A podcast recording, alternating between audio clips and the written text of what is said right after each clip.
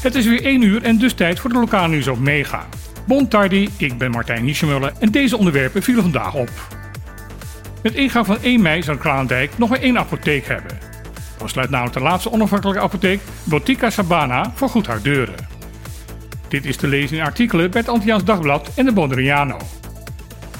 Waar inwoners van Bonaire een aantal jaren geleden nog konden kiezen uit vier verschillende medicijnverstrekkers, komt dit nu geheel in handen van de steeds verder uitgroeiende zorgmonopolist Fondation Barrière Dal. Een organisatie die via de Rijksdienst ZJCM onder directe controle staat van de Nederlandse overheid. Het wegsaneren van de marktwerking binnen de zorg in Caribisch Nederland is ook zichtbaar op andere gebieden. Zoals niet aangaan van contracten met onafhankelijke psychologen, het willen sluiten van Bonlab en de wens om een eigen vliegtuigmaatschappij op te richten voor de airambulance. Hiermee wordt ook de vrijheid van de patiënt beknot om een zorgverlener een eigen voorkeur te kunnen uitkiezen. In de uitspraak in 2014 heeft de Raad van State de zorgverzekers van Nederland verplicht patiënten de gelegenheid te geven om een eigen zorgvoorkeur te kunnen volgen. Het lijkt er steeds meer op dat de Rijkszorgverzekeraar ZJCM aan die verplichting geen boodschap heeft. Gisteravond is een jongeman van 26 jaar bij het drijvend zwembad voor Park Toulouse overleden. Ondanks dat het zwembad momenteel gesloten is, was de man toch op de vlonders geklommen. Daar werd hij onwel en werden door de omstanders de hulpdiensten gewaarschuwd. Deze konden de man echter moeilijk bereiken omdat de brug tussen de vlonders en de pier is weggehaald, omdat er momenteel onderhoud aan de pier wordt uitgevoerd. Uiteindelijk lukte het om het slachtoffer te bereiken en werd door het ambulancepersoneel met de reanimatie begonnen. Dit mocht echter niet meer baten. Ondertussen heeft een arts geconstateerd dat de man aan een natuurlijke oorzaak is overleden.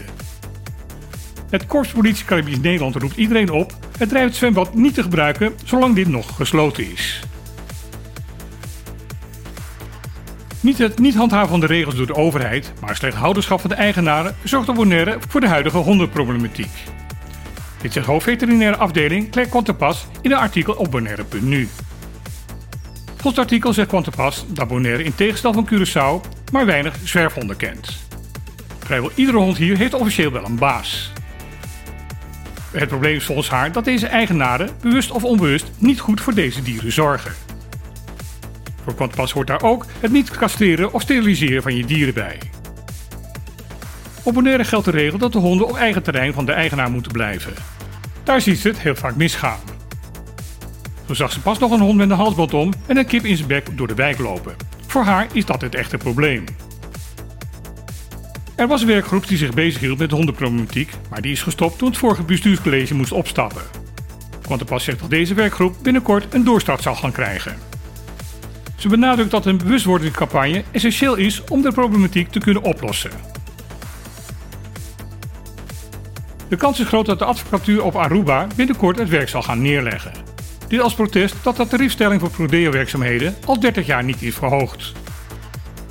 De huidige vergoeding om cliënten bij te staan die zich geen advocaatkosten kunnen veroorloven, is volgens de deken van de Orde van Advocaten, Casita Griffith, volstrekt niet meer kostendekkend. Al zes jaar doet de overheid van Aruba beloftes dat deze tarieven naar een voor nu aanvaardbaar niveau gebracht zullen gaan worden. Maar daar is tot nu toe nog niks van terechtgekomen. Griffith hoopt nu op een snelle reactie van de overheid, zodat de staking voorkomen kan worden. Voor haar is van essentieel belang dat ook de minder bedeelden op een goede juridische ondersteuning moeten kunnen blijven rekenen. Dit was weer het lokaal nieuws van vandaag op Mega. Ik wens iedereen een dag toe zonder juridisch malheur en dan heel graag weer. Tot morgen.